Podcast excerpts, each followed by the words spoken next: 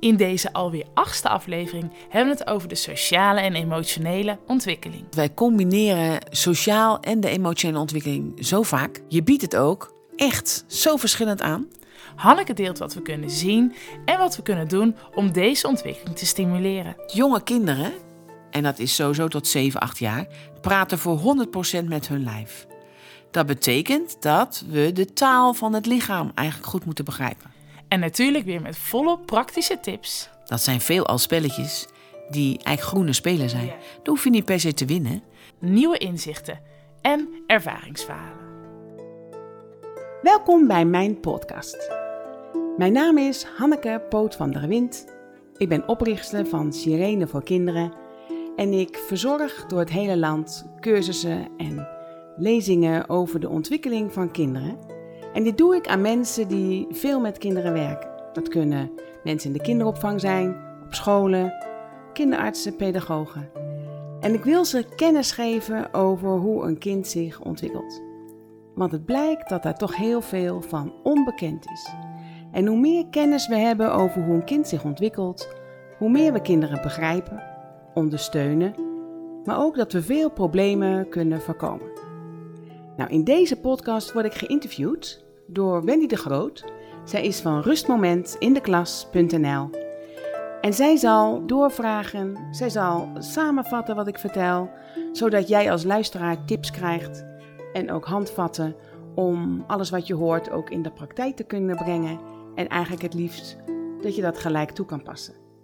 Ik wens je heel veel luisterplezier. Sociaal-emotionele ontwikkeling. In het werkveld korten we het eigenlijk vaak af met SEO. We hebben ook speciale SEO-methodes voor sociaal-emotionele ontwikkeling. En om het gelijk maar duidelijk te hebben, wat is sociaal-emotionele ontwikkeling? Ja, ik moet er eigenlijk altijd een beetje om grijnzen, want wij combineren sociaal en de emotionele ontwikkeling zo vaak. Ja. Ja. je zegt al, we hebben zelfs afkortingen voor. Maar het zijn totaal verschillende ontwikkelingsgebieden. Je biedt het ook echt zo verschillend aan. Allereerst even de sociale ontwikkeling. De sociale ontwikkeling bestaat uit de eerste vier jaar, dus tot en met de jongste kleuters, is de periode Dit is van mij. Daar zijn de kindercentra een beetje debet aan. Die hebben jaren geadverteerd, kom op de kinderopvang, dat is samen spelen, samen delen. Dat Ja. is niet waar. Dat is heel de ontwikkeling niet. Ik heb ook vaak heel verontruste ouders gehad die zeiden: Ja, mijn kind zegt steeds mij, mij, mij. Maar hij moet toch sociaal worden? Een kind wordt pas sociaal als hij die eerste jaren mag zeggen: Dit is van mij. Je kent ook wel die kinderen die steeds hun eh, zwembroek laten hangen of hun gymspullen vergeten ergens. Dat zijn vaak de kinderen die de eerste jaren onvoldoende hebben geleerd: Dit is van mij. Mhm. Nou, tot een jaar of zeven gaan kinderen leren, samenspelen, samen delen. Dat mag je dus niet verwachten van die kinderen. Vanaf groep vier is de sociale ontwikkeling zover dat kinderen kunnen samenspelen, samen delen. Dan komen ook de groeps, de teamsports pas in beeld. Ja. Dan pas voetbal, dan pas basketbal. We hebben het al eerder een keer over gehad. Ja. Dit is de sociale ontwikkeling. ja, dus eigenlijk even, toch even nog terug. Je trekt eigenlijk sociaal-emotionele ontwikkeling los van elkaar. Los van elkaar. En je neemt ons nu even mee in hoe ontwikkelt een kind zich op sociaal gebied. Ja. En daarbij zeg je, tot en met zeven jaar is het eigenlijk vooral op jezelf gericht. Ja, en dat leren samenspelen, samen delen mag je nog niet verwachten. Mogen we Dat dat is- wel al aanbieden? Nou ja, wat we al in eerdere podcasts besproken hebben, om een kind sociaal te leren ontwikkelen, Ja. is het belangrijk dat je kinderen veel samen in beweging zet. Mhm. Samen op de wip, samen op de schommel, samen op een fiets. Dus dat zit onder de sociale ontwikkeling, met Ja. elkaar mee kunnen bewegen. Dus wil je kinderen tot zeven jaar ondersteunen, dat zijn dan spelletjes met z'n tweeën of met z'n drieën, waarbij ze leren om in elkaars beweging te komen. Dat Ja. is de sociale ontwikkeling. Ja. De emotionele ontwikkeling is dat een kind emoties voelt, Mhm. dat benoemd krijgt en ook snapt wat hij daarmee kan doen en hoe hij dat kan laten zien. En dat doen ze vaak in gedrag. ja, dus dat ze eigenlijk hun eigen emoties leren herkennen. Ja, En dan ook dat je we- weet wat je er daarna mee kunt. Ja, en dus ook verantwoordelijkheid voor kan dragen. Ja, Ja, als ik heel eerlijk ben, daar ben ik mijn hele leven mee bezig. ja. Dus het zijn echt totaal verschillende ontwikkelingsgebieden. En je kunt, er zitten natuurlijk wel raakvlakken, maar dat is met elk ontwikkelingsgebied. Maar we, we benoemen het in één adem. En ik kom ook op scholen waar kinderen gekeken worden om naar groep 3 te gaan. Ja. En dat baseren we op de sociaal-emotionele ontwikkeling. Ja, dat is heel oneigenlijk. Sociaal is eigenlijk pas klaar in groep 4. Ja. En de emotionele ontwikkeling ben je hele leven mee bezig. De bedoeling is dat voor school kinderen ondertiteld worden. Jij bent boos. Jij bent bang. Jij schaamt je. Dus dat een kind woorden krijgt over de emoties die ze hebben. Als ik volwassenen begeleid en ze hebben ergens heel veel pijn van door trauma's, maar ze kunnen daar geen woorden aan hun Mhm. emoties geven, dan hebben die trauma's vaak plaatsgevonden in de eerste vier jaar van het leven van een kind, Ja. van de persoon. Omdat in de eerste jaren, dat is de tijd dat je emoties moet ondertitelen. En vanaf de oudste kleuters, dus vanaf 3,5 tot en 4 jaar, zeg ik: leer dan kinderen, als je boos bent, kun je dit doen. Als je bang bent, kun je dan doen. Dan gaan we dus het gedrag moduleren, reguleren. Mhm. Ja, en ik moet zeggen, heel veel jonge kinderen krijgen al straf als ze bepaald gedrag laten zien waarin ze hun emotie tonen. Ja, daar worden kinderen sowieso schichtig van en durven ook niet vaak te laten zien wie ze zijn en welke emoties er speelt. Dus ik wil eigenlijk graag samen eens naar die emoties kijken. Ja. Hoe ziet dat eruit, ook in hun gedrag? Om ook weer aan te reiken, snap wat je ziet en weet wat je het kind aan kan bieden. Mhm. Ja, dus eigenlijk zeggen we die sociale ontwikkeling, dat loopt eigenlijk door tot en met groep 4 Ja, ongeveer. En die emotionele ontwikkeling, dat loopt veel langer door.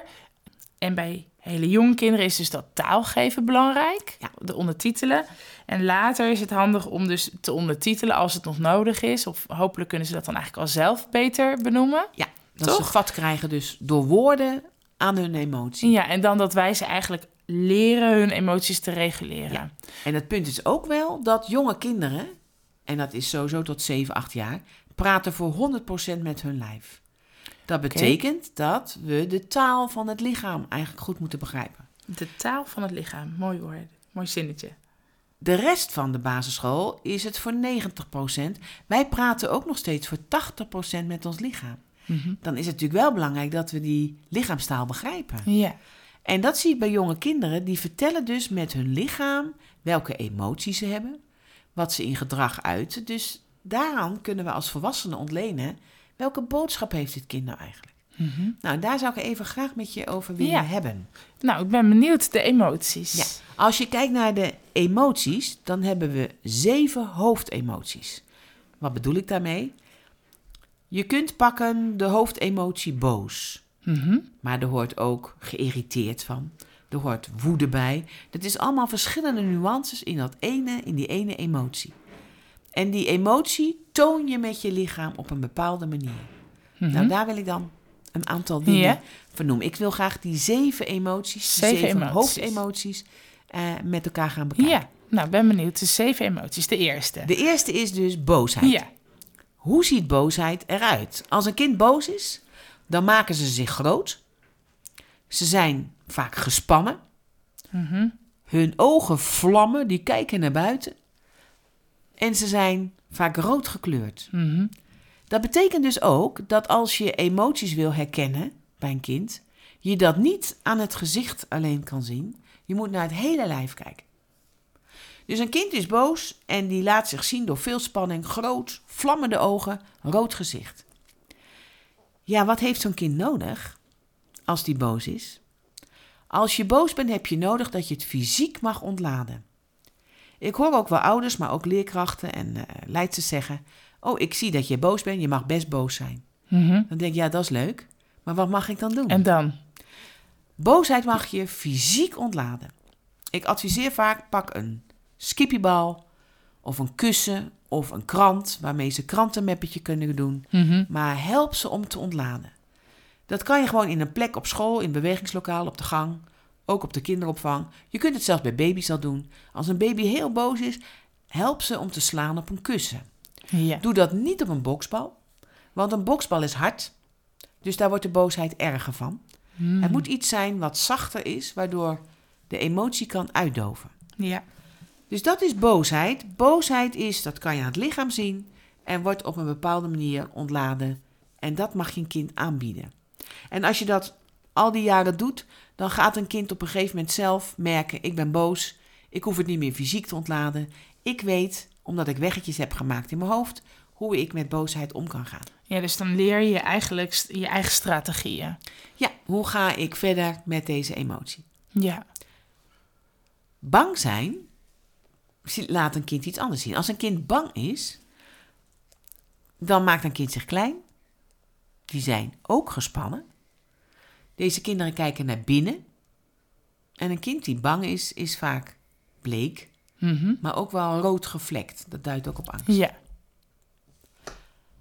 Ja, als een kind bang is, wat heeft hij nodig? Wat hij nodig heeft is bescherming. Wat ik heel vaak merk als ik dit vraag aan mensen, dat we altijd die armen om de kinderen heen willen slaan.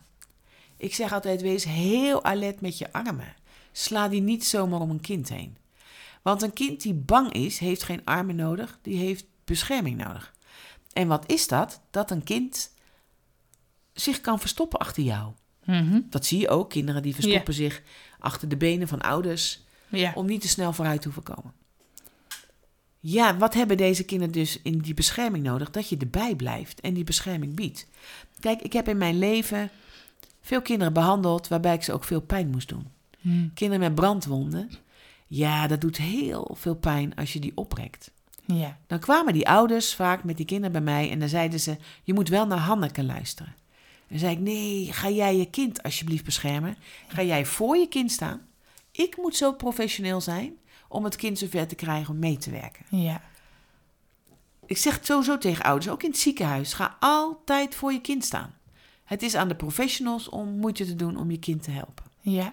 Want anders wordt het heel eng en bedreigend voor kinderen. Ja, als ze, alle, als ze allebei eigenlijk niet jou beschermen. Ja, ik zie het ook wel eens op bezoek hoor. Dan heeft iemand kleine kinderen bij zich en die kleine kinderen blijven eerst een poosje bij papa of mama staan. Ja.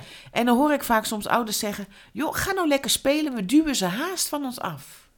Want dan kunnen wij ook op, onze rust, op een Ja. rustig gemak praten. Dan zeg ik: wil je dat niet doen? Want bescherming is dat het kind op een gegeven moment zelf uit zijn hoekje komt en zelf dat waar hij bang voor is in de ogen kijkt. Dus bescherming is voor bange kinderen. Een kind die verdrietig is, die maakt zich ook klein. Maar een kind die verdrietig is, die maakt zich slap, die ontspant zich. Ze kijken ook naar binnen, Mhm. maar een kind die verdrietig is, heeft vaak een neutrale kleur. Dus de drie kinderen die ik net genoemd heb, of ze boos zijn, bang zijn of verdrietig, verdrietig. hebben alle drie rode ogen van het huilen. Maar als je verdrietig bent, is de rest eigenlijk neutraal. Ja, en wat heeft een kind nodig die verdrietig is? Dan komen we weer met die armen. Dan zeg ik, wil je dat niet doen? Een kind die verdrietig is, heeft troost nodig. En hoe ziet troost eruit? Dat jij het kind biedt wat het kind aangeeft. Er zijn kinderen die kruipen helemaal in je. Ja. Maar er zijn heel veel kinderen die rennen weer weg als ze gevallen zijn. Of een aai over de bol, of even een kusje op dat wat pijn doet. Maar het kind bepaalt hoe die troost ontvangt. Aandachtspunt echt is, een kind die verdrietig is, maakt zich slap. Ik had pas een eh, volwassen vrouw, die had ik onder behandeling. En zij kwam eigenlijk over iets heel boos binnen. ja. En op een gegeven moment werd ze, ging ze zich ontspannen en ging ze huilen. Dan weet ik dat onder haar boosheid verdriet, zit. Verdriet zit. Ja. Dus ook wij volwassenen praten nog steeds non-verbaal, dus met ons lichaam. Dit wordt de drie B's genoemd: boos, bang en bedroefd. Mhm. Daar hoort ook blij bij. Dus deze vier hoofdemoties, dat zijn de vier B's: boos, bang, bedroefd en blij. Nou, hoe ziet een kind eruit die blij is? Ja, die zit heel open eruit, kijken naar buiten, zijn vaak lekker ontspannen.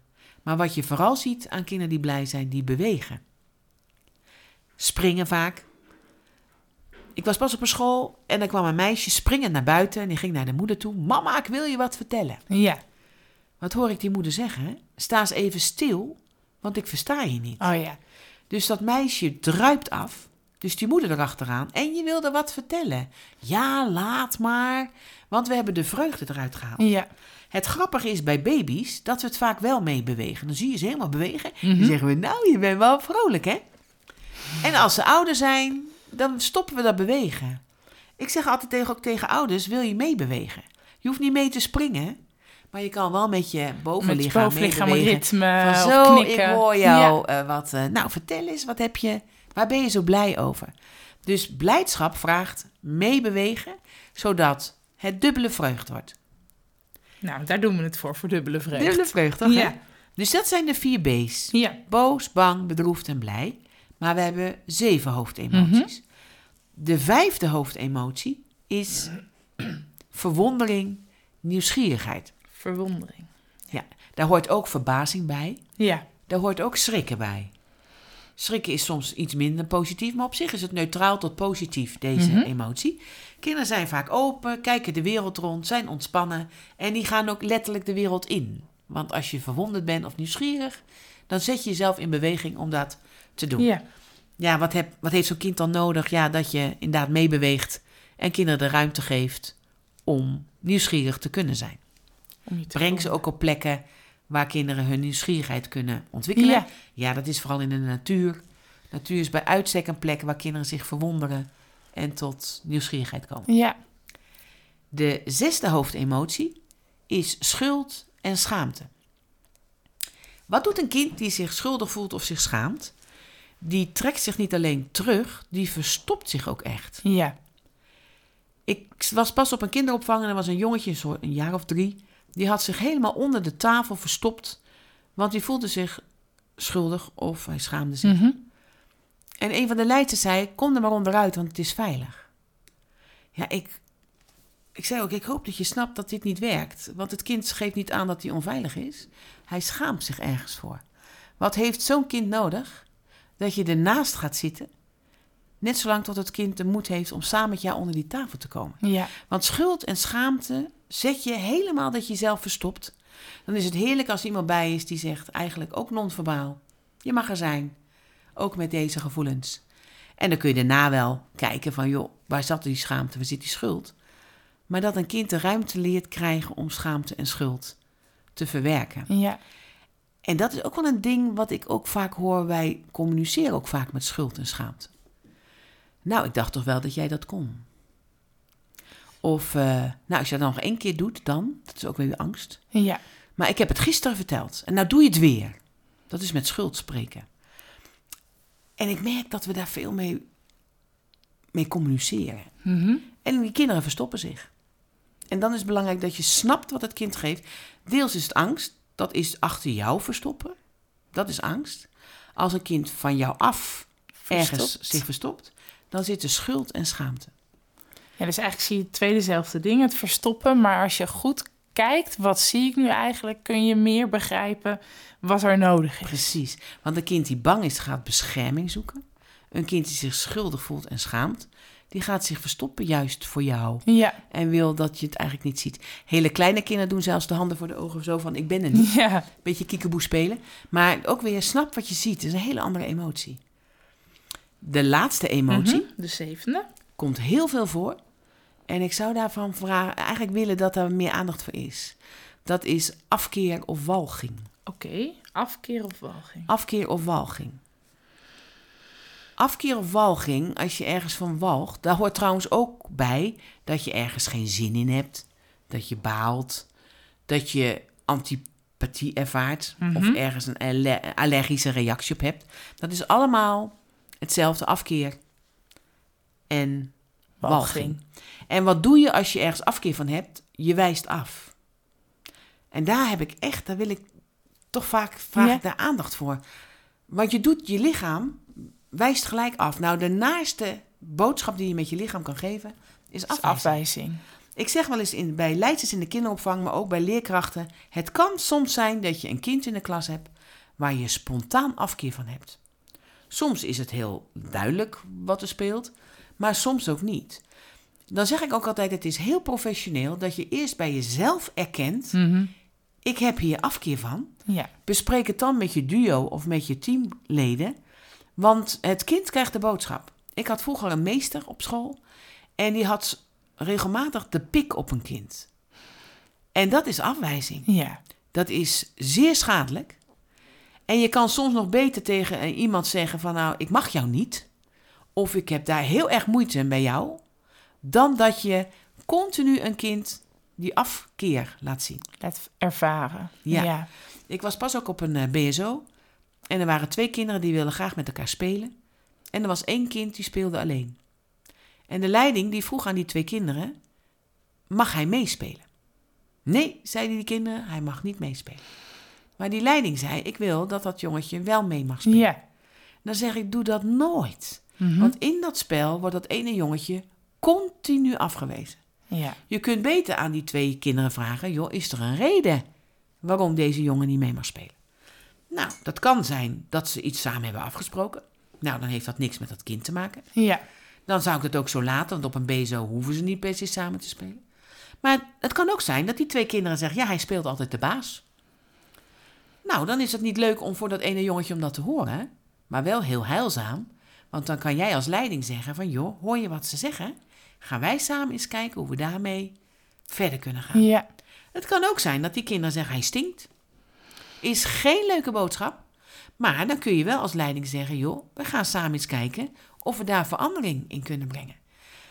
Dus de pijn van dat moment, het is niet leuk, maar kan heel heilzaam zijn. Maar als je per se kinderen bij elkaar zet om met elkaar te spelen, dan gaat die afkeer en dus ook de afwijzing spelen. Ja, en dat groeit dan eigenlijk misschien zelfs nog meer. Ja, Omdat je de onderliggende reden niet weet. Je wordt gedwongen in de situatie. Nou, en dan zie je nog meer dat het zo is wat je eigenlijk dacht over het andere kind. ja, en dat kind wordt steeds meer beschadigd omdat hij continu afwijzing ervaart. Mhm. Dus de pijn van de, van de reden van afwijzing weegt niet op tegen zo lang afgewezen worden. Ja. En walging en afkeer komt gewoon veel voor. We kennen allemaal wel mensen die je tegenkomt wat je denkt, oeh, wat een griezel. Of oh, daar moet ik niks mee, heb ik niks, Ja. heb ik niks mee, hoor je Ja. ook zeggen. Ja. Dat is eh, afkeer. Mhm. En dan- die mensen wijs je af. Mhm. Nou ja, de statistieken zeggen 30% van de mensen vinden jou leuk. 30% van de mensen zijn neutraal naar jou. En de rest moet je niet. Nou, dan moet je ook niet harder voor die mensen gaan lopen, want je wordt continu afgewezen. Wat kunnen we daar dan mee in de klas bijvoorbeeld? Want daar zit je toch in een vaste groep kinderen. Ja, dat ook. Je hebt kinderen soms die niet bij naast elkaar willen zitten. Ja. Honoreer dat. En zeg, oké, Ja. dan hoef je dat niet. Ja. Of als je parallelklassen hebt, dat je sommige kinderen uit elkaar haalt en in verschillende groepen stopt. En ik kom zo vaak tegen, ik was ook pas op een school gevraagd, waar ook twee kinderen wilden nooit bij elkaar zitten, wilden niet bij elkaar, ook niet samen iets doen. En die leerkracht die zei, je moet maar leren samenwerken, samen spelen. Ja. Dan denk ik, joh, kijk naar de wereldleiders, die kunnen het niet eens. Waarom vragen we dat van onze kinderen? Ja. Daar hebben ze tools voor nodig. En allereerst dat je je prettig voelt bij iemand. Nou, als jij van een ander kind afkeer krijgt, nou, haal die kinderen uit elkaar. Of zet ze aan de andere kant van de, van de ruimte. Want je ziet dan zoveel onveiligheid ontstaan als je continu afgewezen wordt. Ja. Dus dat is. eh, dus de eerste angel is dat je zelf ook als volwassene erkent: deze twee kinderen hebben afkeer van elkaar. Of ik heb zelf moeite met Ja. dit kind. Zodat je lichaam niet direct continu in de afwijzing staat. Want dat ja, is want emoties, eh, dat, daar begon je het eigenlijk net mee. Emoties is niet alleen ons gezicht, maar dat... is het hele lichaam. Ja. Ja, en emoties, dat zijn signalen, er is wat aan de hand. Daarom zijn emoties belangrijk om de aandacht aan te besteden. Ja, en die emoties die worden dus in, met het lijf, dus in gedrag geuit. Ja, en dat wordt Emoties- soms op een manier gedaan die wij niet altijd prettig vinden, maar die wel een signaal zijn van iets. Ja, dus je zegt emoties... Die geven aan dat er iets aan de hand is. Voor jezelf is het belangrijk om te onderkennen van hé, hey, ik voel me nu bang. Ja. Omdat dat helpt om te onderkennen van hé, hey, waar ben ik op dit moment bang voor en waar kan ik dan bescherming zoeken. Mhm. Dus het zijn hele belangrijke signalen van hoe sta ik in de, in de wereld, wat gebeurt er op dit moment. En ook om grip te krijgen, wie ben ik? Ja. En, eh, hoe En kan wat heb ik nodig? Ja, zeker. Ja.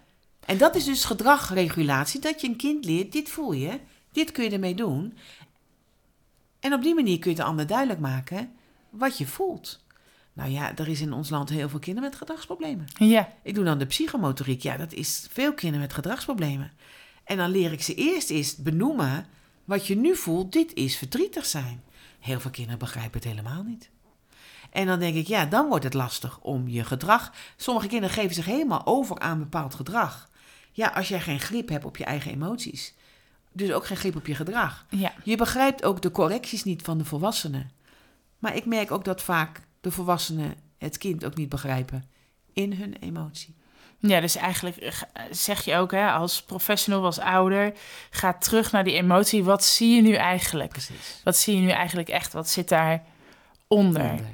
Kijk, op school, ik was pas ook ergens op een school. En er kwamen kinderen binnen. Hij heeft mij geslagen. Mhm. De leerkracht had het niet gezien. Nee.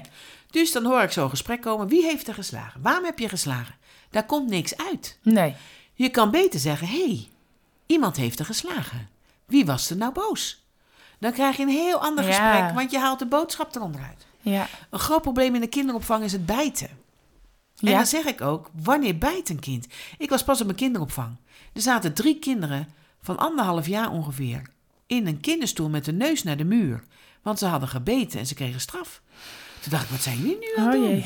Ja. Als een kind bijt, in eerste instantie vertellen ze dan: Ik voel me onveilig. Ik voel me bedreigd. We hebben het ook in onze beeldspraak, hè? Dat kind bijt van zich af. Wanneer Ja. doe je dat als je bedreigd bent? Nou, die kleintjes van anderhalf hebben ook nog niet eens geen denkvermogen. En dan denk ik: Kijk dan eerst en zeg tegen het kind: Ik zie jou bijten, jij bent bang. Ik ga zorgen dat jij bescherming krijgt. En ook benoemen misschien. Jij vindt dat andere kind eng, of hoe je het ook verwoordt. ja. Of jij vindt is. deze situatie bedreigend. En dat moet je aan gaan pakken, want het kind heeft een boodschap gegeven: ik bijt van me af. En dat zie ik bij jonge kinderen heel vaak gebeuren. Dan krijgen ze straf zonder dat we die boodschap eronder uithalen. Ja. En dan wordt het gedrag erger. Ik zeg vaak, als ik met jullie praat, hè, in een groep, als ik met jullie praat en jullie luisteren niet, ga ik harder praten. En luister je dan nog niet, ga ik nog harder praten. En als je nog niet, ga ik ook nog stampvoeten. Dus Ja. het gedrag wordt erger. Als je ziet dat een kind veel slaat of een kind die veel bijt, snap dan dat het kind niet gehoord is, omdat het gedrag steeds erger wordt. En dan is het belangrijk dat je zegt, nou jij bijt, jij bent bang. Ja. Of jij slaat en je bent boos. En dan ontspant het kind in eerste instantie. En dan kan je zeggen, hangt van de leeftijd af. Vanaf kleuterleeftijd kan je dan zeggen, nou als je nou boos bent, dan ga je slaan op een skippiebal of ergens anders op. Niet op een ander kind.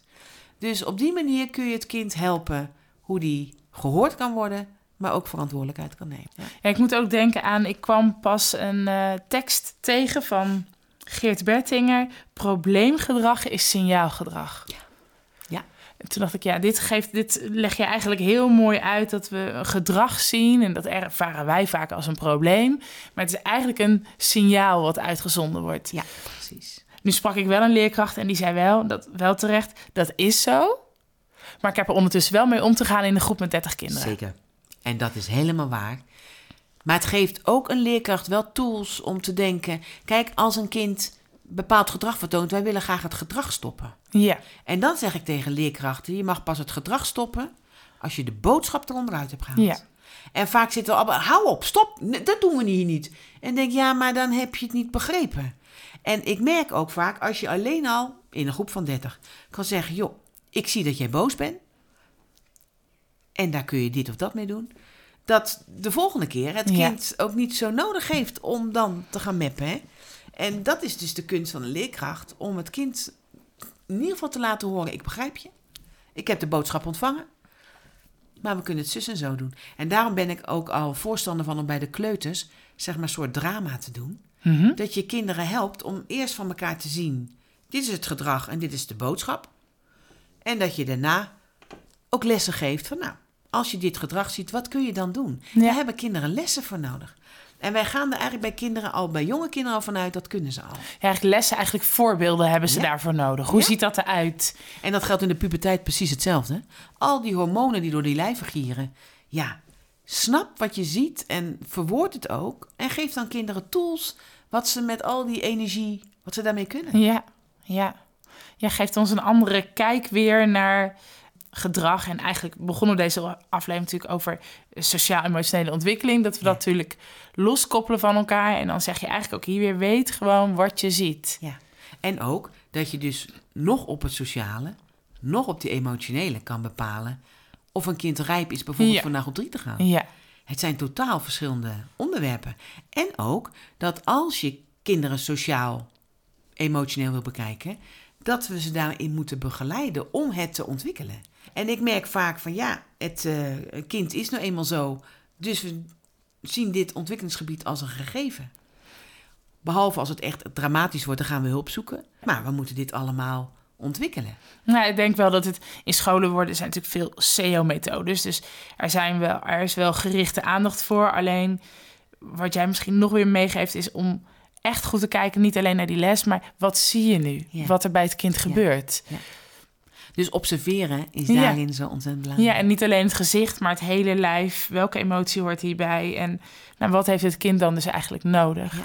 Ja. Ja, En een kind die zich begrepen voelt, ontspant zich en kan veel beter functioneren in de Ja. klas, maar ook als kleintje, ook thuis. ja en, ook, en dan loopt natuurlijk ook de sociaal-emotionele ontwikkeling Ja. veel vloeiender als een kind ontspannen is. Want dan kan je ook je eigen gedrag meer begrijpen, Ja. sturen. En dan kan een kind ook gewoon zeggen: ik, voel, ik ben zo boos. Ja, En dan weet je ook wat hij daarmee kan doen. ja, In plaats dat je zegt: Ben je weer boos?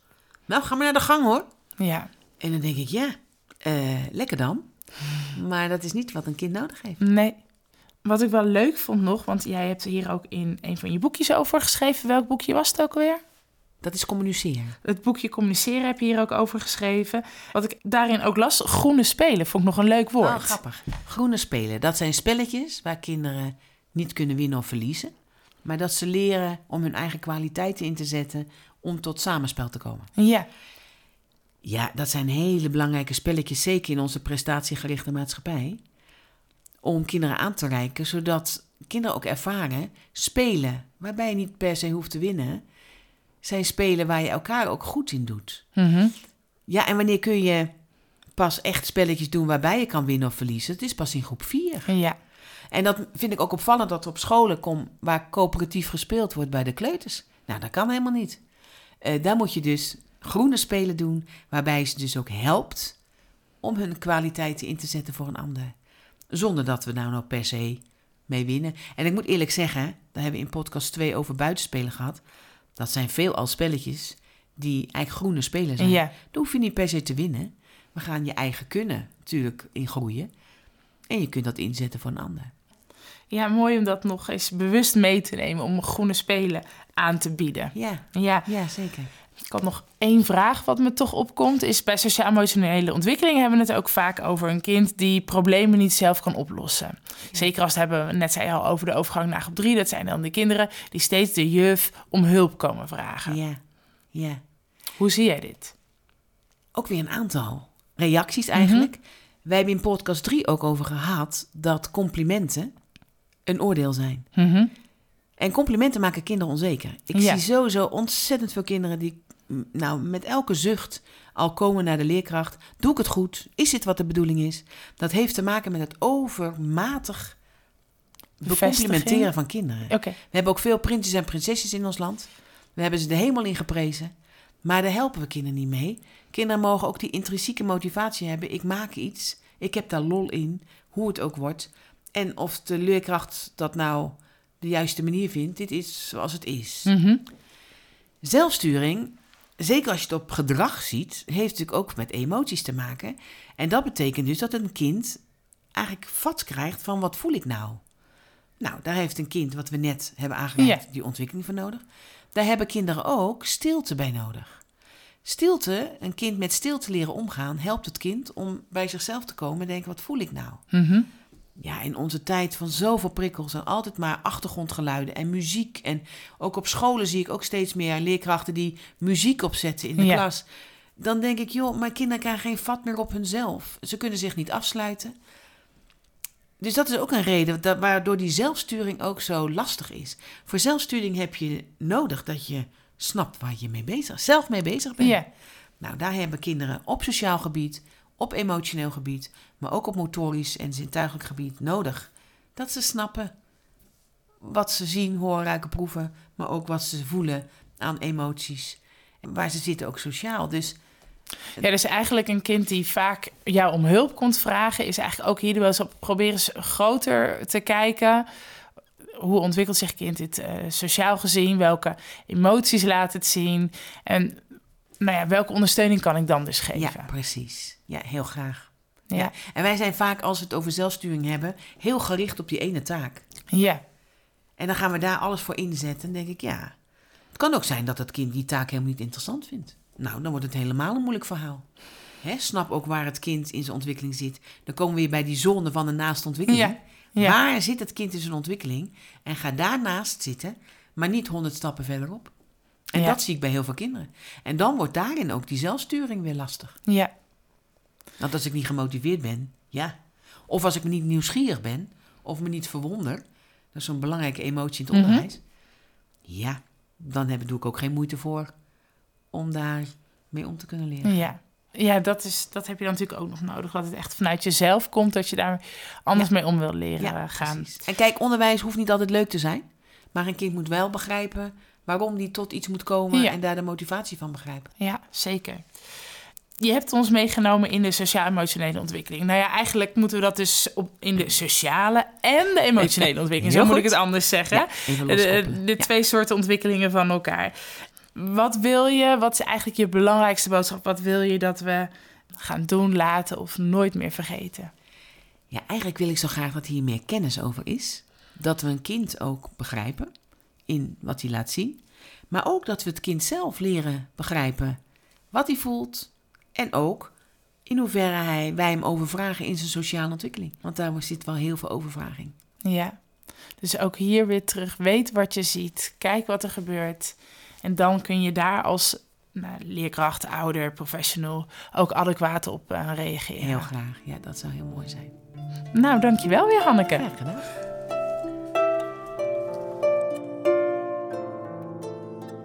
Wat fijn dat je geluisterd hebt. Wil je meer informatie? Ga dan naar www.sirenevoorkinderen.nl Wil je deze podcast delen met collega's of misschien wel op sociale media? Dan mag dit natuurlijk. En voel je vrij je vragen aan Hanneke te laten weten. En tot de volgende podcast.